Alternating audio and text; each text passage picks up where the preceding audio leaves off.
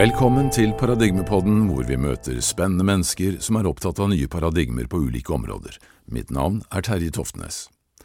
I denne episoden handler det også om fenomenet som amerikanske myndigheter nå anerkjenner som reelt, UAP, Unidentified Aerial Phenomena, eller ufo-fenomenet på godt norsk. Som nevnt i tidligere episoder, så har både Pentagon og den amerikanske kongressen erkjent at det forekommer observasjoner av ukjente gjenstander både utenfor øst- og vestkysten av USA. Og de har verken latt seg identifisere eller forklare. Fysiske gjenstander eller farkoster som tilsynelatende er i stand til å bryte fysiske lover når det gjelder akselerasjon og hastigheter. Disse er observert av jagerflyvere på nesten daglig basis, forteller flygerne selv i videoer som nå ligger ute på YouTube. Dette er mildt sagt oppsiktsvekkende, fordi det forteller om en virkelighet vi ennå ikke er i stand til å forstå, og om en teknologi som ligger langt, langt foran oss. Richard Dolan er en av verdens ledende ufo-forskere og historikere. Han har skrevet fire banebrytende bøker om dette temaet, og som utforsker alternative virkeligheter i vår verden. Han har også vært en hyppig gjest på TV og i radioprogrammer, og har holdt forelesninger over hele kloden. Vi traff ham allerede tilbake i 2009, altså en god stund før dagens offisielle avsløringer, og mens han arbeidet med den første boken. Vi spurte han da hvordan det hele begynte for ham. I became interested in UFOs in the early to mid 1990s.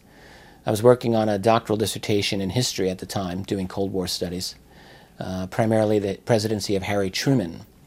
Nothing to do with flying saucers, I can assure you.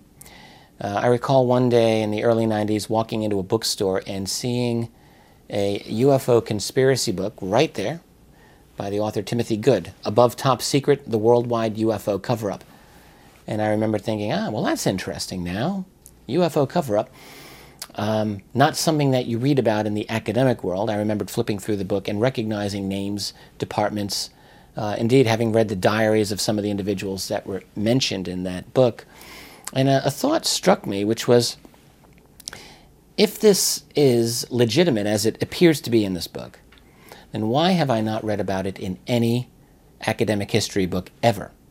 Uh, even Frank, even if this was a mistake, if uh, three or four star generals mistakenly were concerned about UFOs, would that not be interesting in the history of the Cold War and the history of the United States and so forth? And I thought, well, of course that's interesting. So I wanted to, uh, I did what I thought would just be a small, brief side project. I thought that I would research this for a couple of months and satisfy myself of what I thought about all of this um, I very quickly discovered that I thought it was very interesting, and I have just gone right on in.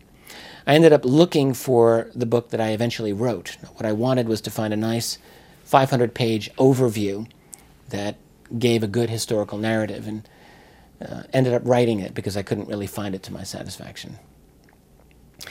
Um, my attitude with this was, or I should say, my um, my findings with this was that the U.S. military took UFOs very, very seriously during all through the Cold War and indeed beyond. Um, we have a fair amount of evidence, documentation, military documents, intelligence documents that show very clearly that the U.S. military encountered objects that did not seem normal, did not look normal, and had extraordinary behavior, violating sensitive airspace again and again and again. So the question is not do UFOs exist? The question is who do they belong to? And indeed, guess what? This was exactly the question I discovered that U.S. military analysts asked.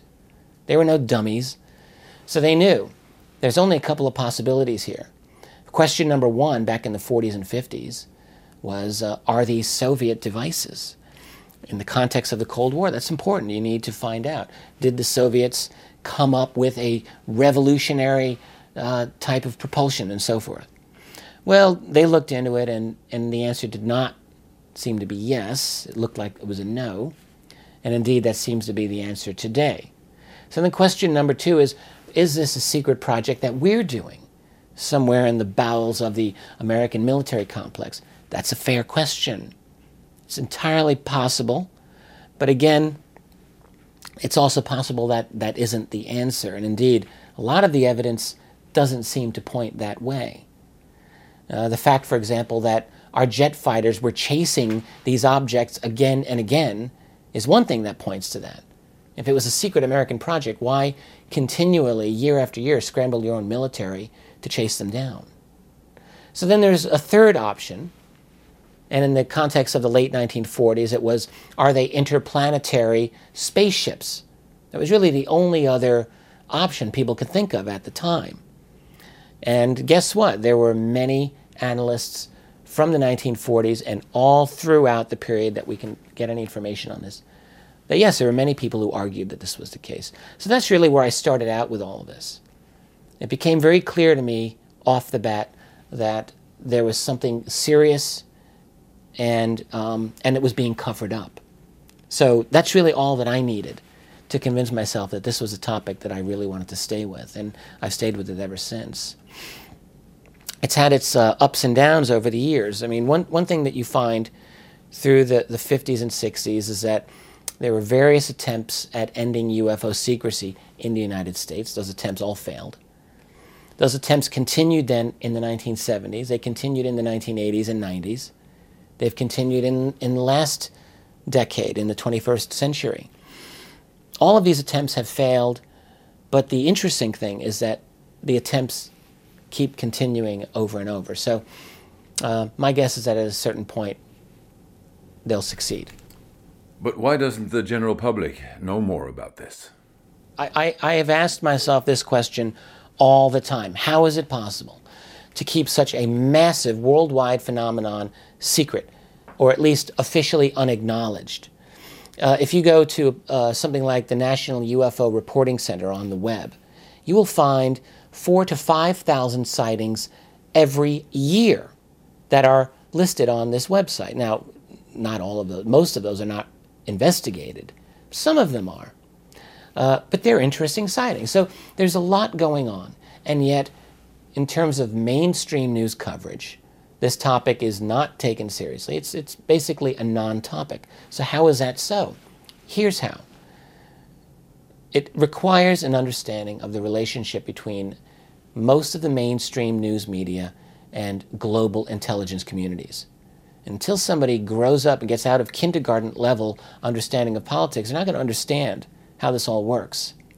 It's not that the CIA controls every single newspaper in the world, but they do have predominant influence over the major newspapers, and they do have predominant influence over major academic institutions. You don't need to study UFOs to understand this. There's a lot of very good work that lays this out very clearly. So, for example, back in the uh, Cold War era, we know for sure that the CIA had on their payroll hundreds of top level uh, American journalists. This was all unknown at the time, but it later came out. So uh, you would read an article by some journalist thinking, well, they're acting independently, when in fact they were working for the CIA. These would be journalists for the New York Times or the Washington Post or other major agencies, CBS or Reuters, and, and so forth. So, what that says, that doesn't mean that the CIA controlled everything, but that you have to understand the media acts in certain choke points. So, for example, a UFO sighting might get local news coverage, but that doesn't mean that it gets covered on the wire services. That's a very different situation altogether. And skeptics will argue, well, this phenomenon is so big it would have been covered, but really what that betrays is a lack of understanding of how news media has been related to intelligence communities around the world for, for decades, for generations. Um, and the same is with academia. You know, perfect example. There's a, a, complete turnaround within academia and government. It goes on in every country in the world. The man who wrote the USA Patriot Act, uh, a gentleman named John Yoo, Y O O, after he left the Bush administration in 2003, where did he go? He went back to Berkeley at the university to teach. This is what they do. So you have a culture in which the academic world and the scientific world, which is dependent on federal funding and government money, um, and the media world are intimately connected to the world of intelligence. But it's not like the X Files, where you know, the cigarette smoking man is sitting behind a news anchor uh, telling him what he can't say. It's not so simplistic. It's a little more sophisticated than that. The way that works out is you don't get to be the news guy unless you internalize implicitly what is appropriate news and what is not appropriate news. And, and that is exactly how it works. Hmm. But why the secrecy? Hasn't the public a right to know when this may be of great importance to our whole civilization? The why part of UFO secrecy is one of the easier things to understand. Let's go back in time to the 1940s and pretend that you're Harry Truman. So you're the President of the United States, and one of your top generals or top scientists comes to you and says, Sir, we have recovered technology that does not appear to have come from human uh, civilization. It was not made by human hands. So just pretend that you have give, been given this information. Well, what would you now do with that? Would you tell the world? Well, you might not tell the world. Because if you tell the world, then it's more likely you'll ultimately have to share this technology. And in the late 1940s, the United States did not want to share atomic technology with the rest of the world. And that was a big issue at the time. So certainly I doubt that they would want to share something as exotic as alien technology. So no, what I think what would happen and what I think did happen is that the president would organize a top level, top group of scientists and people and he would say, Your job is to figure this technology out, find out who these other beings are, uh, find out how bad the panic will be, find out all of these logical things that we would want to know is probably what they did. And then you've got this artifact, this alien bit of technology. So now what do you do with it? Well, at a certain point, you'll certainly want to study it and try to replicate it clearly. How do you do that? Well, at some point, you would have to hand it over to private industry which has the research and development and the scientific people that that's what they do. They make things for the military. So they'll study it. And then they start to make money off of it. And then suddenly, no one has any incentive for revealing this to the world. This is like a goose that lays golden eggs. And once you're 10 years, 20 years into the secret, uh, your incentive for giving it up becomes smaller and smaller. And then the next thing you know is you've got this public relations nightmare on your hands. How do you explain to the public? You can explain that you've had a secret for four or five years, maybe 10 years, but 20 years, 30 years, 50 years? The longer and longer it goes, the harder it becomes to, the harder it is to open this up. Because frankly, at this point in the game now, it's very likely, in my view, that the infrastructure devoted to studying this problem has very probably developed its own revolutionary breakthroughs, what I call a breakaway civilization, something that is perhaps maybe based on scientific principles that are beyond what we are currently even using here. And so the farther and farther ahead they go, the harder it is for them to bring the rest of us with them. So it's, uh, you know, the old saying, oh, what a tangled web we weave when first we practice to deceive. It's a, a you know, a childhood nursery rhyme. It's quite true. I, I suspect that the U.S. model for secrecy applies everywhere.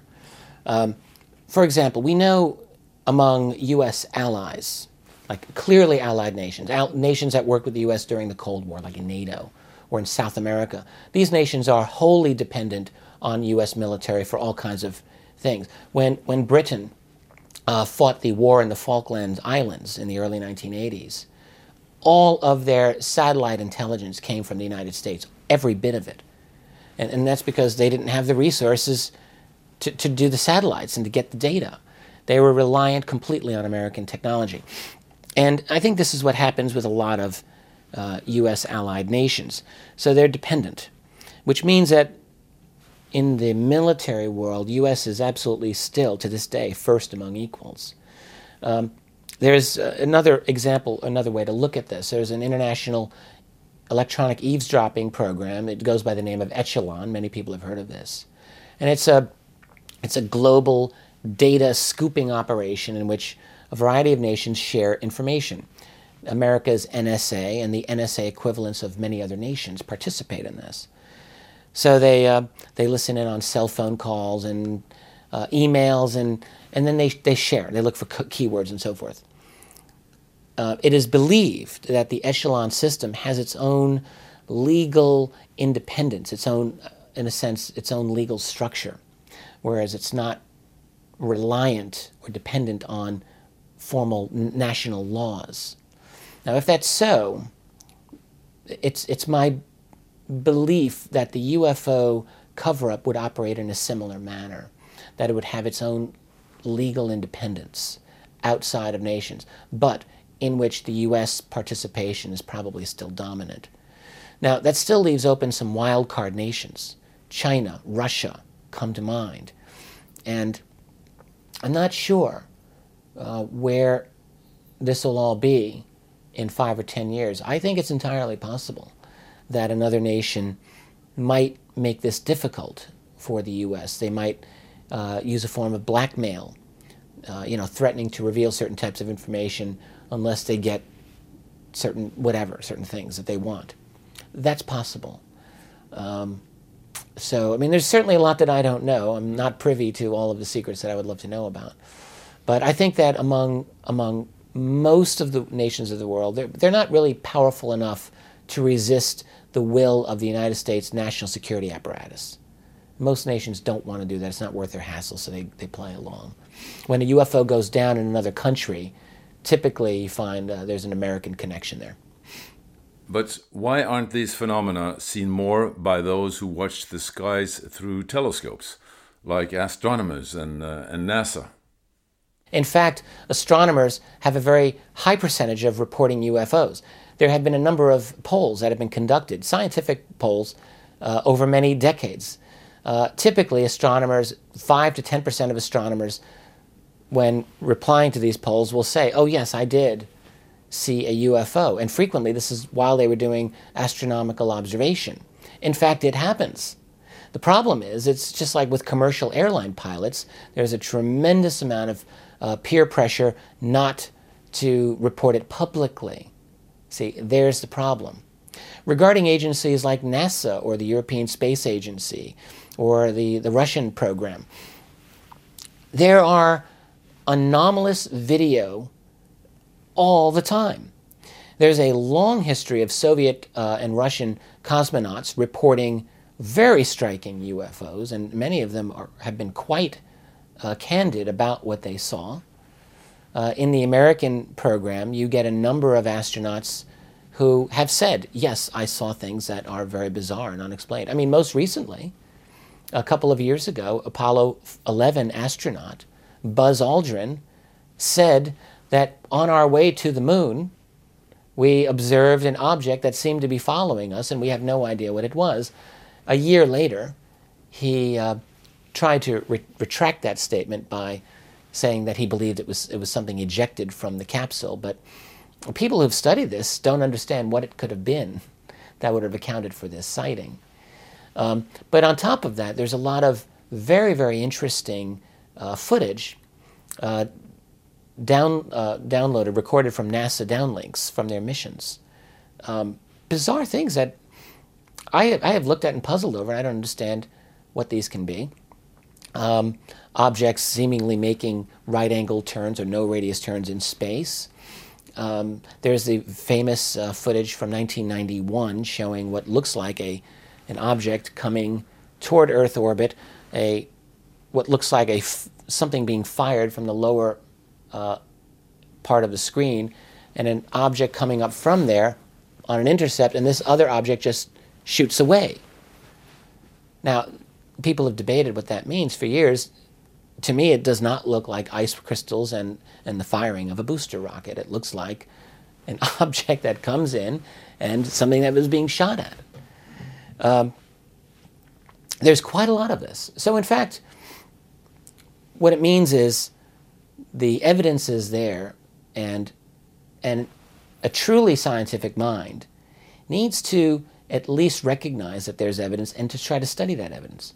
What I find when I speak to scientists and academic PhDs, which I frequently do, if they're dismissive of UFOs, what I find is that they've never read a single bit of evidence about the topic, they, uh, they just wave it off as, if, as if they already know uh, that there's nothing to it. When I start inquiring about, well, are, are you familiar with any cases? Uh, typically, they're not. And uh, typically, after I have a half hour with these people, they're shocked. Some of them are deeply disturbed that there is actually such a, a good amount of evidence there. Um, would you suggest that all people working like uh, in the Space Control Center in NASA in Houston, uh, that they are fully aware of what's going on? Well, uh, yeah, I don't know how what percentage of NASA employees are fully aware of a, of a cover-up.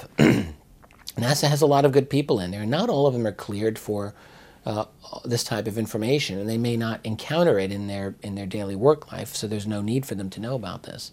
I know um, one NASA gentleman. He worked there for over three decades, who's been very upfront about UFOs that NASA has tracked and known about. Um, you know, as to whether or not many other NASA employees know about this, I suspect that there are quite a few who do. Uh, this is not just a simple civilian organization. There's a great military connection there. There's a lot of classified uh, security clearances involved in being able to work at NASA. You can't just stroll in there. So these are people who fit a certain personality profile. That is, they know how to follow orders, they know how to keep their mouth shut, and uh, you know keep their head down, and, and their career will do just fine. That's how most people are in, in who live in a bureaucratic world. This is how secrets are kept. There are, there are open secrets that are kept for years and years and years because people agree just not to talk about it. And I think uh, that within NASA, this is very likely the case regarding the UFO issue. Um, well, I think what, what happens typically when, when someone takes a security oath, um, everyone is different. It's a big world. We all have different personalities. There are some people who take a security oath and they keep that oath till their dying breath. But not everybody is that way. And some people will take a security oath feeling that morally they, they need at some point to reveal this truth.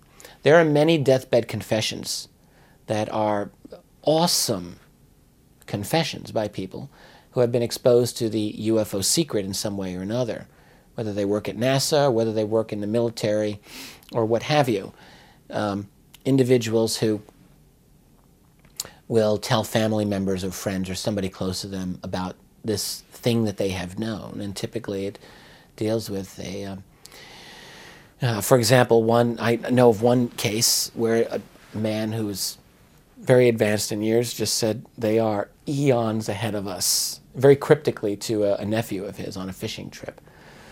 Um, this is a guy who had been very high level in NORAD for years and, and so on. Um, you don't find too many people who are willing to just blow the game wide open. Somebody like Dr. Edgar Mitchell of Apollo 14 is an exception. He's a famous astronaut who um, had actually been speaking publicly or for about 10 years or so about some of the things that he'd been told by elite individuals about the cover up. Much more, much more recently, he's gotten a lot of press about this, um, which I've been saying for years that people need to be listening to Edgar Mitchell, so I'm finally glad that, that it's happening. What about the, um, the frequency of uh, UFO sightings? Has it been increasing or decreasing over the years? Uh, UFO sightings go in what are called flaps or waves, and sometimes there's a, a lot of sightings going on at a certain time, and, and other times it, it just seems to decline. I mean, the one thing that's difficult about UFO sightings is the statistics we have are really inexact. So my feeling is that there's always many more sightings that are ever reported. And, and in a sense, it's hard to be sure if certain periods have more or less than other periods. Uh, having taken that into account, however, there are certain periods where it seems to be heavy and others where it doesn't seem to be as much. So, right after World War II, there were certainly a lot of reports, 1947, 48, in the US in particular. Right up through the early 1950s, there were quite a lot. Um, in 1954 in Europe, there was a significant outbreak of sightings uh, across many European countries going into the Middle East. There was many. Now, it, it's entirely possible that sightings extended into um, other places like Africa or parts of Asia. The problem is we'll never know because there are really no reporting mechanisms that most of those regions had. But there was a lot going on in Europe in 1954 landings of craft, people who claimed to see these short little beings, collecting soil samples or stealing uh, small animals and things like this. Very bizarre, very strange. Um, some of them are very detailed, and, and the witnesses we know, many of them were deeply disturbed in recounting their, their stories to police and so on. Um, in the mid 1960s in the United States, there was another big wave of sightings. Lots of people saw these things, and so much so that it became a, a matter of discussion in the U.S. Congress. Um, and that peaked in the late 60s. There was many sightings globally in the late 1960s as well, in particular South America. Why do these waves happen? Nobody really knows. There was another wave in the early, uh, throughout the mid 1970s in the US and in the world in the late 70s there was what we would call a, almost a pandemic sighting. Uh, throughout the world in 1978, tremendous amounts of reports coming in. Again, many people around the world claimed to be seeing these alien beings. Very strange. Uh, things tapered off a lot in the 1980s. By the end of the 1980s, it picked up again. Uh, sightings in places like Gulf Breeze, uh, Florida, and elsewhere began to pick up. Um, and so it goes. Um, there are these waves and mini waves and flaps. And uh, what I find these days, now that it's easier and easier to report these, uh, the total number of reports that are available just keeps going up. And now with everyone with a little cell phone camera, I mean, you can just take pictures, click, click, click, go to any website, and you will find literally hundreds, three to 400 UFO pictures per year that are now out on the web. Whereas 50 years ago, you know, you'd be lucky if you had a couple. So um, it's interesting. That it's not that all of these pictures can be authenticated, but the fact is that there's a lot of them out there. Okay. So maybe one of the most uh, classic questions why don't they land on the White House lawn? Well, I've often wondered, you know, why is it that not only is there government secrecy on UFOs, but the, the operators of these objects themselves seem to be quite secretive, don't they? They don't make the proverbial landing on the White House lawn. They don't seem to be interested in um, coming out with their existence to uh, us officially. No, instead, they operate by stealth. They operate and deal with people uh, on, a, on an almost individual one-on-one basis, almost you might say in a subversive manner, you know, outside of formal channels, right? Uh, people who deal with UFOs are dealing with them often in an isolated, atomized way. It's not really the best way to, to deal with this phenomenon, is it? So, what is exactly going on? Well, I'm not sure f- for my part. I think if, if I were to study the all of the various accounts that uh, people have had about their alleged experiences with other beings. Well, certainly there's many claims by people who say that they've been taken by beings and had things done to them. Um, had um, you know, uh, women saying that they've had hybrid babies taken from them, people who claim to have had implants inserted into their bodies, into their brain, even uh, and things like this. There are many such uh, accounts of this. Now, are they all fantasy or not? My opinion is they're probably not all fantasy. I think that there is some truth to this. Um, and so, what is the agenda? What are these other beings doing here? Um, is there more than one group? I think that there's probably more than one group. Um, look, think of it this way we have a very interesting planet. We have a lot of water. We have a lot of life, unique genetic combinations and types of living things. And we have human beings. We are very interesting after all. And it's really not hard to imagine that another advanced life form would find this world fascinating. I mean, it is a fascinating place. That's not being provincial, that's just stating it the way it is. We have all this life, we've got this all these heavy minerals in the ground. A lot of advanced creatures might find it quite interesting indeed. So they would come here. And then on top of that is human civilization. Look at where we have come in a mere 100 years. 100 years ago, we had horses pulling carts. And that was our civilization. Now we go from that to cars, to airplanes, to transistors, to televisions, guided missiles, computers, artificial intelligence, quantum computing. We are reinventing who we are right now. So think about where we're going to be in another 50, 100 years. We might be a real nuisance to the other kids on the block out there. They might just want to monitor us right now. They might just think, ah, these humans, we'd better uh, find a way to manage them right now because they're going to be a real annoyance in 100 years. they certainly might. Um, so I think that there's a lot of reasons for other beings to come here and, and also not to be truthful. Uh, imagine that you've time traveled 1,000 years into the past. So you're in uh, some medieval village, but you have all of your knowledge of the 21st century. And you've got a little iPod, maybe, and uh, you know a wristwatch and other neat things that they have no idea. So how do you talk to these people? Uh, are you going to tell them?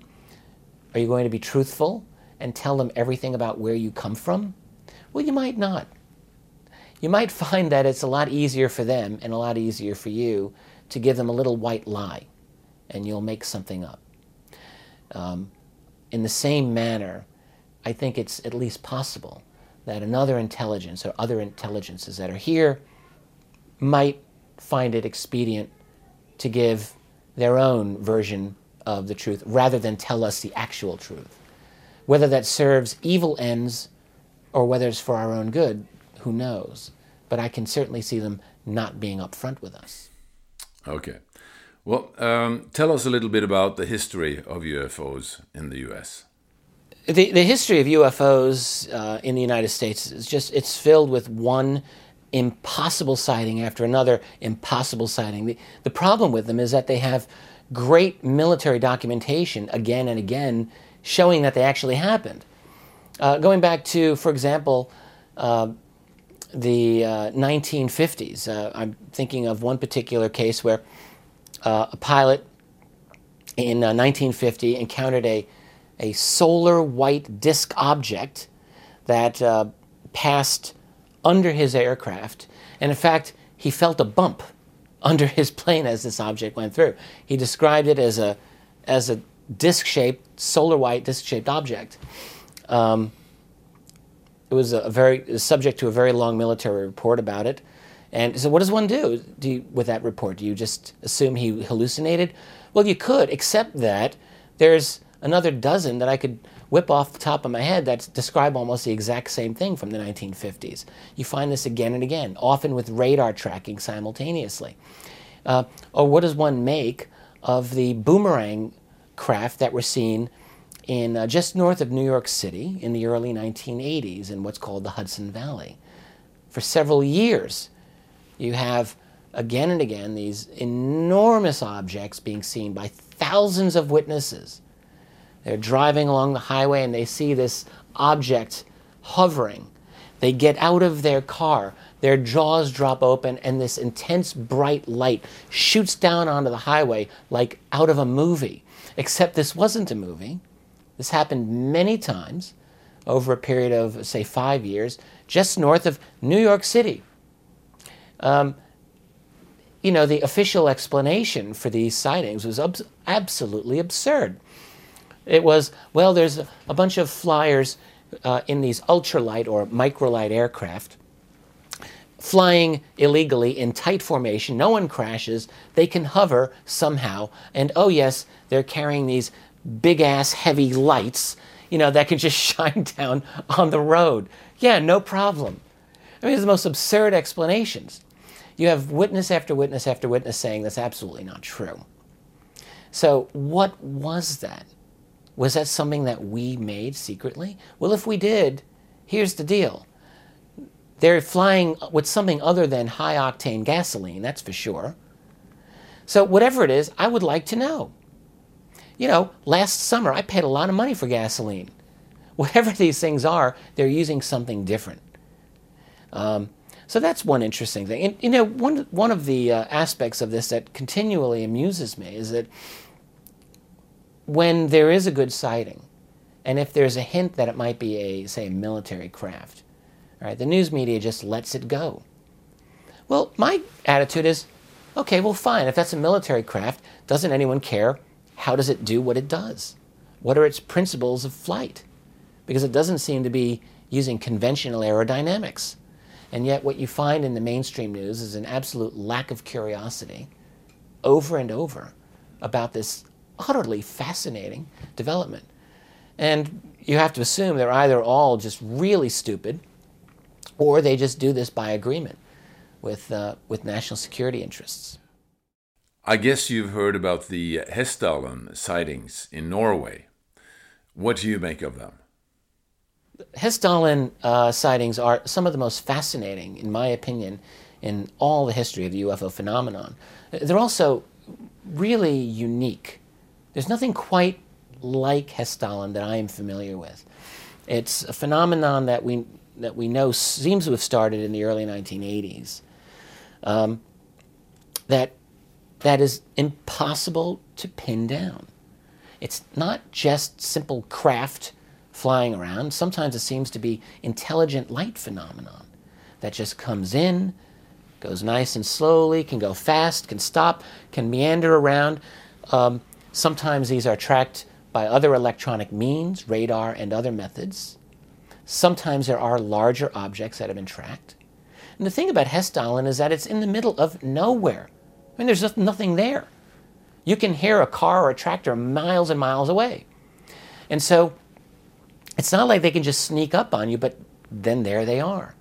The other good thing about Hessdalen is that it's one of the few continual ongoing UFO cases where you've got a dedicated group of people out there with instrumentation trying to, tra- to, to capture this phenomenon scientifically. And then the other really good thing about Hessdalen, in my opinion, is simply that the, the primary investigators of it have uh, shown really the, the perfect combination of, of courage and caution. So I think they've been very courageous in showing this phenomenon for all of the bizarre qualities that it has and, and not trying to um, winnow out things that, that don't fit their hypothesis. And they've also shown caution in not uh, jumping to conclusions about what this is.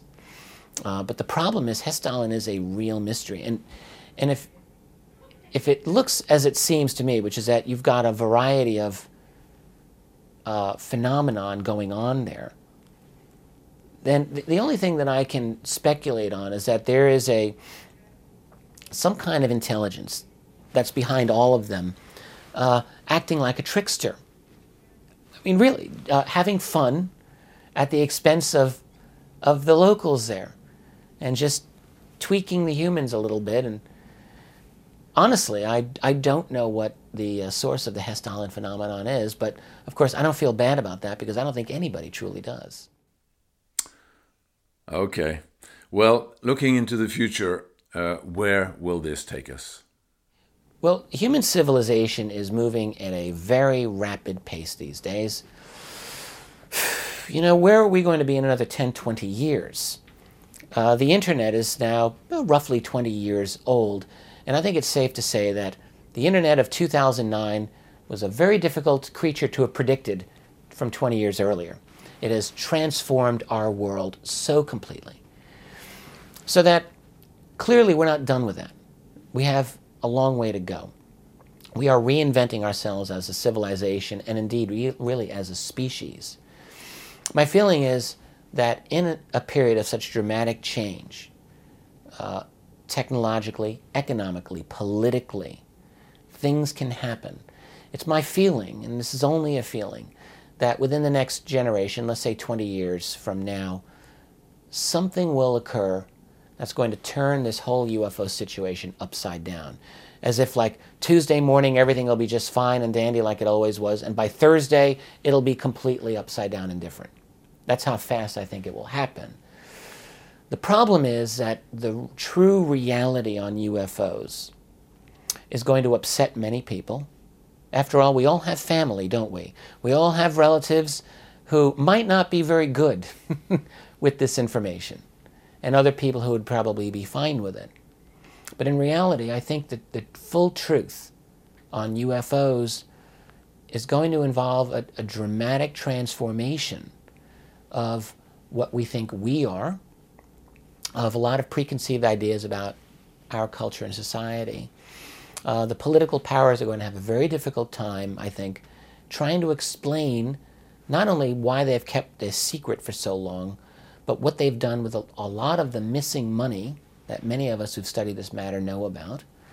Um, and on top of that, there may be some, some scientific matters of the UFO phenomenon that make things difficult. For example, what if the reality on UFOs has something to do with manipulation of time? Just what if? Well, if that's so, it might make well the entire stock market just collapse. If you knew what the future was going to be in a week, and if everyone else did too, there goes the stock market. Poof. Um, what if the UFO phenomenon means that the aliens have invented a better version of steel than what we have, or makes petroleum obsolete? I mean, in the near term, there would be economic, financial repercussions. That would be very difficult, frankly. Now, in the long term, it might be great, but in the near term, it's going to cause a lot of dislocation, a lot of upset people. And uh, it's my opinion that that's why the secret's been kept so long. I think those people who have power, who are really thinking about this, I don't think that they see an easy way to unravel this whole secret onto the rest of society. So it's just easier for them just not to say anything. So, but it will happen, uh, despite the efforts of the secret keepers, and and really, it'll almost be beyond the power of any one person to do. It's just it's one of these currents of history that won't be denied. The truth is going to come out. And when it does, it's going to be explosive. And and you will be in the front row when it happens? Well, I hope to be around. I think I'll be around. I think we'll all be around for this one. I don't think it's going to be that long. Thank you so much, Richard. Thank you. Stor takk til Richard Dolan, som fremdeles i dag er svært aktiv innenfor dette feltet. Vi håper dette han delte her har kastet litt lys på hvordan hele denne situasjonen har utviklet seg, og både hvordan det var i 2009 og i store trekk også er i dag. I neste episode vil vi også belyse dette temaet. Til slutt minner jeg igjen bare om vårt VIPS-nummer 524 005 524 005, og takker igjen for alle bidrag. Vi høres i neste episode av Paradigmepodden.